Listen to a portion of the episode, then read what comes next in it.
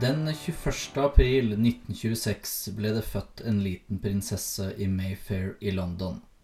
Faren hennes het prins Albert, hertugen av York, og moren het Elisabeth av York. Til stede ved fødselen så var både faren og bestemoren Cecilia Bowes-Lyon, men også innenriksminister William Johnson Hicks. En gammel tradisjon hvor også innenriksministeren måtte anerkjenne at avkommet faktisk kom fra moren som fødte. Den lille prinsessen het Elizabeth Alexandra Mary og ble da prinsesse av York. Hun var barnebarn av kong George 5.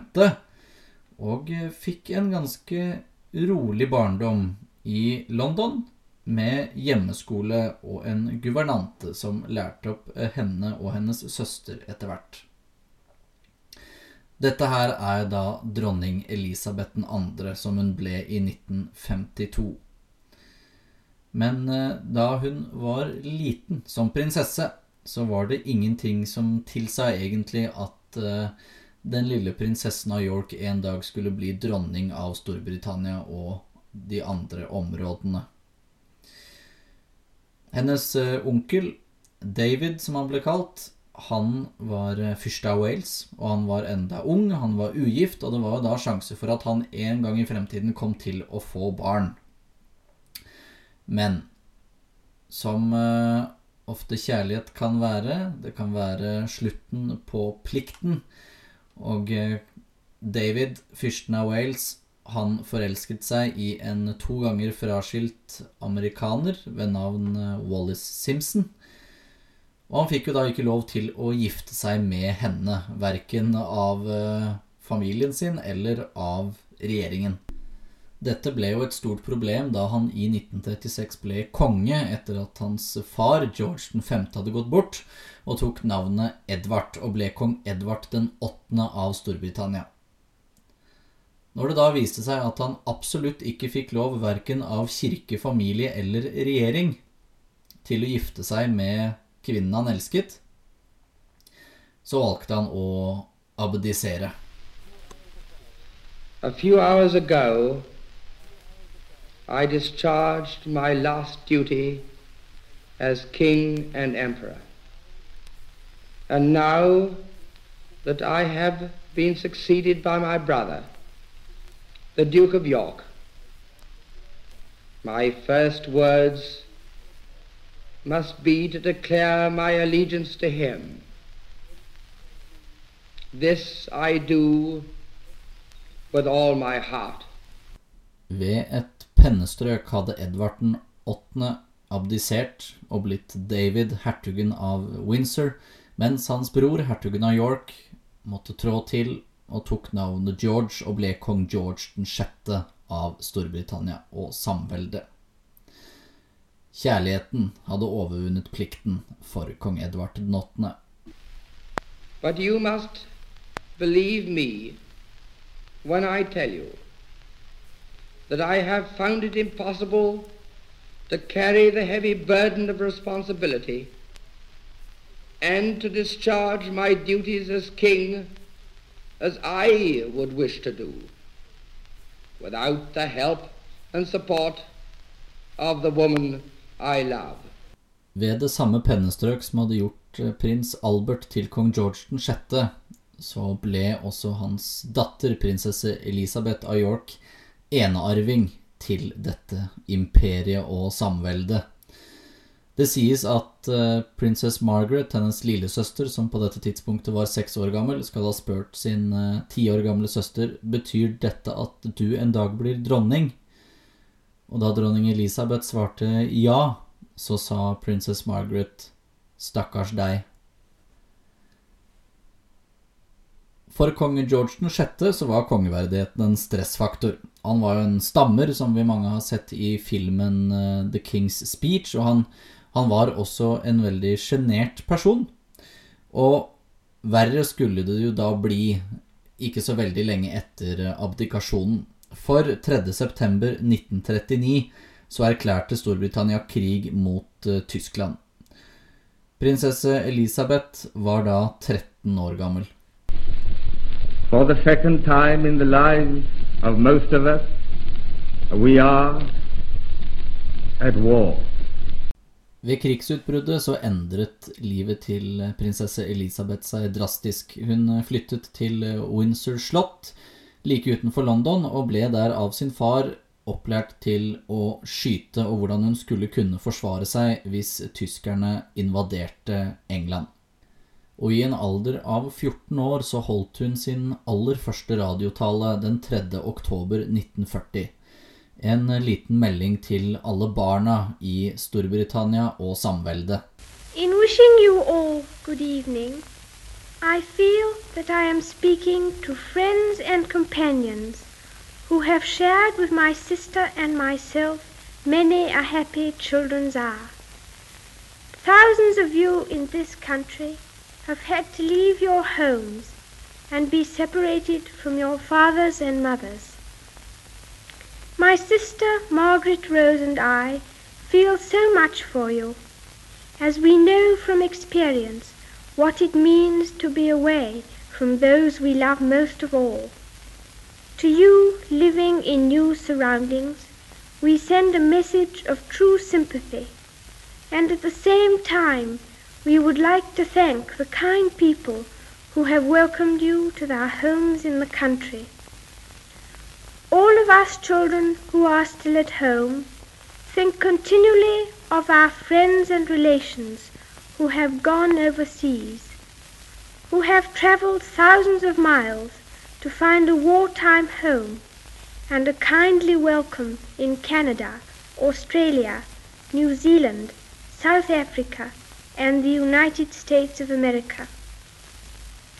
My sister and I feel we know quite a lot about these countries. Our father and mother have so often talked to us of their visits to different parts of the world. So it is not difficult for us to picture the sort of life you are all leading, and to think of all the new sights you must be seeing, and the adventures you must be having. But I am sure that you too are often thinking of the old country. I know you won't forget us.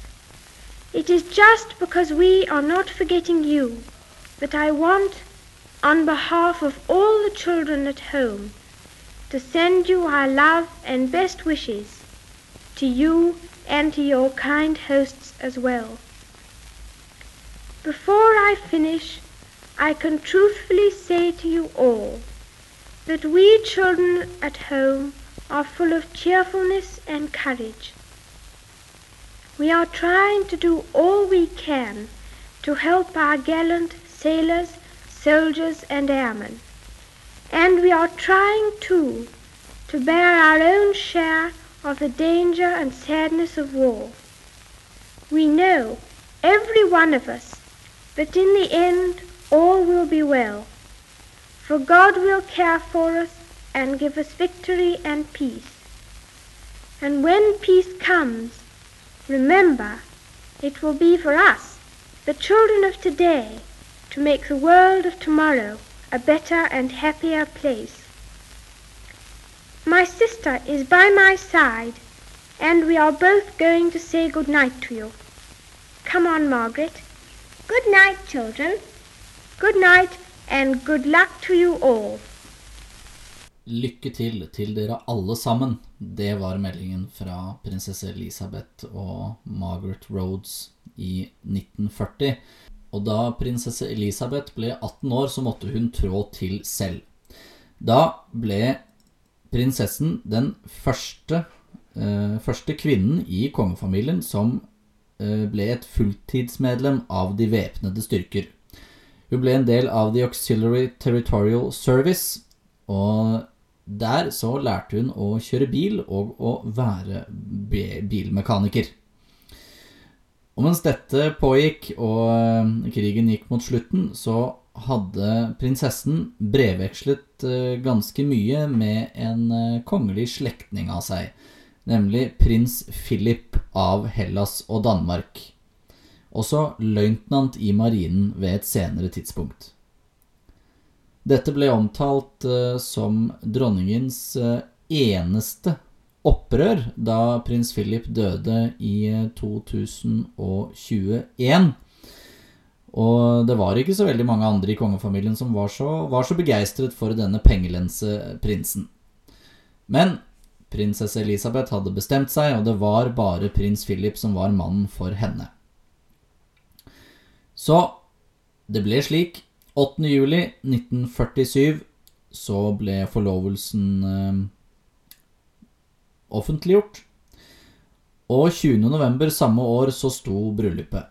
Da giftet prinsesse Elisabeth seg med løytnant Philip Mountbatten, hertug av Edinburgh. For han hadde sagt fra seg sine, sine utenlandske kongelige titler for å kunne gifte seg med prinsessen. Og denne, denne lille familien fikk jo da en liten forøkelse allerede året etterpå. Den 14. Eh, november 1948 så ble prins Charles Philip Arthur George født. Og to år etterpå, den 15. august 1950, så kom Anne Elizabeth Alice Louise. Og mens eh, disse barna var små, og prinsessen var nygift, så bodde hun på Malta sammen med hertugen av Edinburgh, som da var nestkommanderende på HMS Checkers. Dette omtales jo da som eh, prinsesse Elisabeths mest lykkelige år, hvor hun kunne leve som eh, en vanlig offiserskone. Men denne idyllen skulle briste ganske raskt. 31.1.1952 så dro eh, hertugparet på offisiell reise på vegne av kong George 6. Avskjeden på flyplassen ble siste gang prinsesse Elisabeth så sin far i live. For mens eh, prinsesse Elisabeth var i Kenya, så døde kong George den 6. natt til 6. februar 1952. Og hans siste åndedrett så ble prinsesse Elisabeth dronning. During these last months, the king walked with death as if death were a companion, an acquaintance whom he recognized and did not fear. In the end, death came as a friend. And after a happy day of sunshine and sport, and after good night to those who loved him best, he fell asleep. As every man or woman who strives to fear God and nothing else in the world may hope to do. I, whose youth was passed in the august, unchallenged, and tranquil glories of the Victorian era, may well feel a thrill in invoking once more the prayer and the anthem. God save The Queen. 51 år etter at den legendariske dronning Victoria gikk bort, så var det igjen et God Save the Queen som skulle ropes ut av Winston Churchill. Og eh, det utropet skulle vare i 70 år uten at noen kunne vite det da. Først og fremst så ble det en endring for dronning Elisabeth 2. og for hennes ektemann prins Philip, hertugen av Edinburgh. Prins Philip han måtte lære seg å gå to steg bak sin kone, for det var dronningen som var den viktigste nå når hun steg opp på tronen.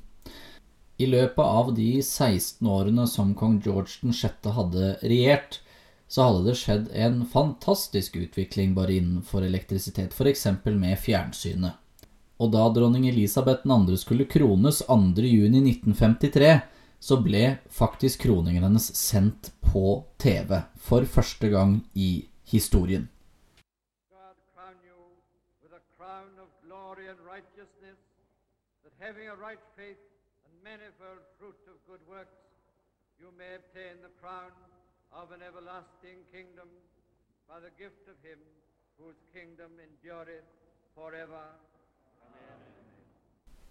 Det å være utnevnt av Gud til å regjere, og i tillegg være beskytter av troen i riket du regjerer, er ikke alltid så veldig lett, noe dronning Elisabeth 2. skulle få erfare ganske kvikt da hennes søster forelsket seg i den fraskilte krigsveteranen Peter Townsend.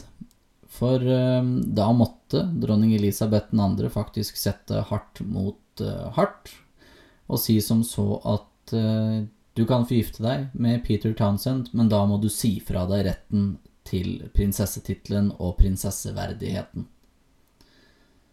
Dette ble sett på av prinsesse Margaret som en direkte uh, motarbeidelse av det giftermålet hun ønsket seg, og satte dype spor i søskenforholdet mellom dronning Elisabeth og hennes lillesøster, og det ble jo da til slutt ikke noe giftermål.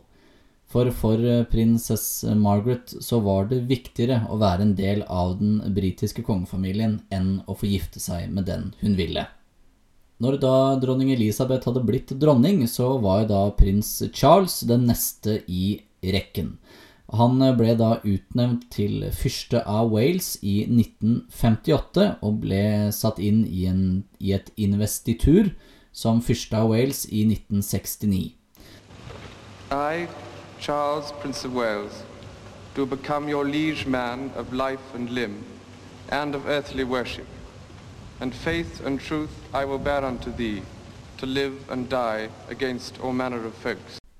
Den nyslåtte fyrsten av Wales fungerte også som et eh, verktøy mot de gryende nasjonalistiske kreftene som bølget over Wales, for prinsen hadde lært seg walisisk og holdt en tale på walisisk. rydw i wedi at el holl gystadlaethau yn y sefydliad rhagorol yma, ac rydw i wedi cael blas arbennig ar y canu brwd a phersain. Canu mor frwd, fel y byddai'n dda eich cael chi gyd yng Nghaernarfon.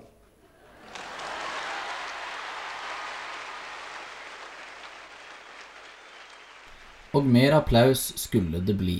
For i 1977 så skulle dronning Elisabeth 2. feire sitt sølvjubileum på den britiske tronen. Hun hadde da regjert i 25 år, men oppslutningen rundt monarkiet og dronningen var så lav at man rett og slett vurderte å skrote hele feiringen. Men noen på hoffet overtalte dronningen om at det burde gjennomføres, og det ble det til stor, stor begeistring. Det var store middager rundt om i alle gatene i Storbritannia, og dronningen ble rett og slett eh, hyllet på sitt eh, aller meste, så langt i alle fall. Grunnen til at eh, dronningen hadde vært litt upopulær, rett og slett, var fordi at hun var middelaldrende. Det er et uttrykk som, som går slik at en, en ung dronning nyter av sin skjønnhet, en gammel dronning nyter av sin visdom, men en middelaldrende dronning nyter intet. Men på denne bølgen av popularitet så var det jo også da et bryllup som skulle stå i 1981. Mer spesifikt 29. juli 1981. For da giftet prins Charles, fyrsten av Wales, seg med lady Diana Spencer, datter av jarlen av Spencer. Og eh, nå ble jo denne familien enda større, for den 21. juni 1982 så ble prins William Arthur Philip Lewis født. Og den 15. september 1984 så kom prins Henry Charles Albert David til verden. Og dette var jo egentlig begynnelsen på slutten for ekteskapet mellom prins Charles og Diana, fyrsten av Wales. For det ekteskapet tok eh, slutt kanskje enda litt tidligere enn det offisielt gjorde i 1992, da separasjonen ble tatt ut. Og dette var året som eh, dronning Elisabeth omtalte som annus horribilis, det fryktelige året. 1992 is not a year on which I shall look back with undiluted pleasure. In the words of one of my more sympathetic It has turned out to be an annus horribilis. Hvorfor hadde da 1992 blitt dette fryktelige året? Grunnen til det var jo at dronningens familie rett og slett hadde ramlet fra hverandre, og det hadde vært skilsmisse på skilsmisse på skilsmisse. For en familie som tidligere ikke eh, tillot at fraskilte mennesker var i deres krets. I mars så ble prins Andrew, hertugen av York, skilt fra Sarah Ferguson. Prinsesse Anne, The Princess Royal, ble skilt fra Mark Phillips i april. I november var det en omfattende brann på Windsor slott, dette slottet som dronning Elisabeth 2. anså som sitt hjem. Og så da, i desember 1992, så tok prins Charles og Diana, fyrstinnen av Wales, ut separasjon.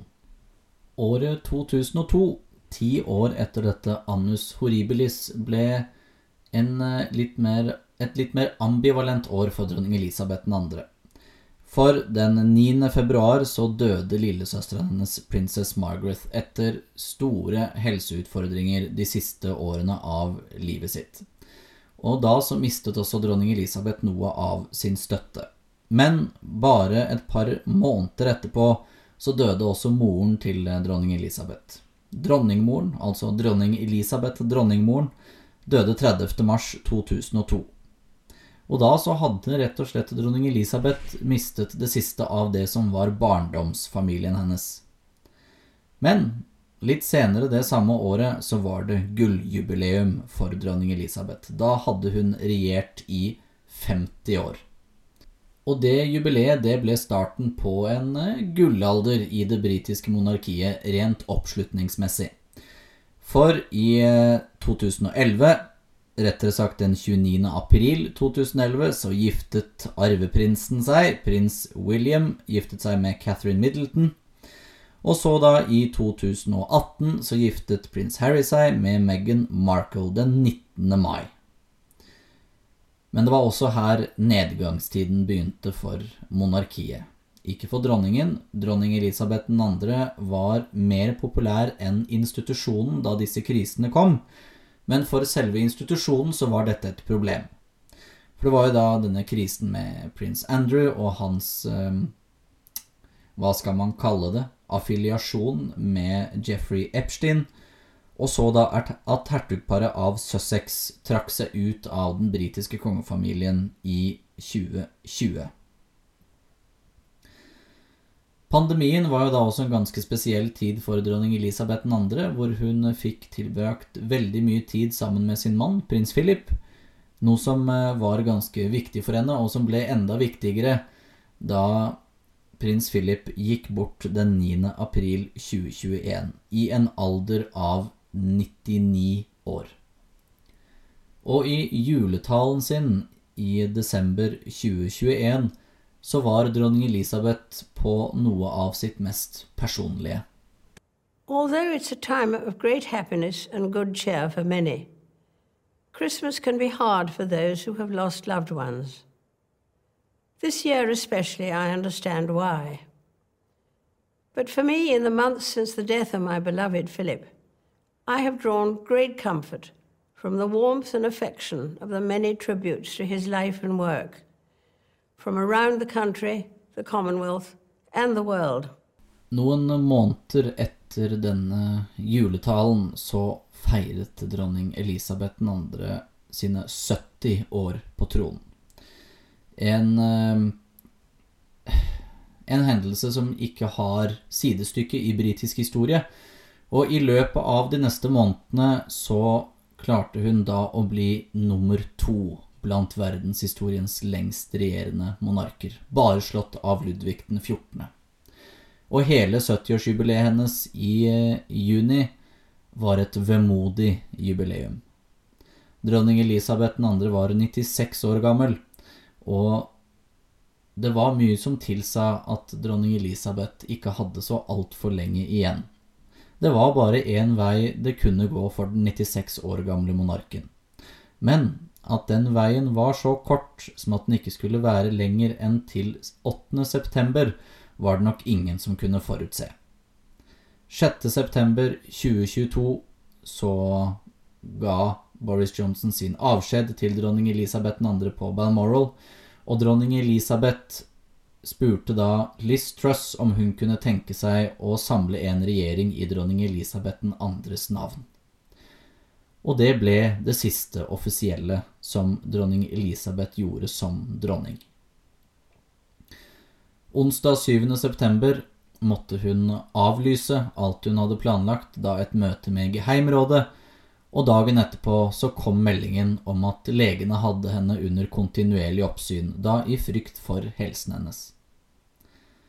Og fem minutter på halv åtte så gikk den britiske kongefamiliens hjemmeside i svart. Dronning Elisabeth 2. var død. Dronning Elisabeth 2.s regjeringstid bør gi oss alle en følelse av ærefrykt. Ingen monark har levd så lenge som dronningen, og bare én monark har regjert lenger enn henne. Gjennom en strabasiøs reise fra Wilhelm Erobreren til George 6. via tudorer, stuarter og hanoverianere, så startet kronen den andre elisabetanske æra.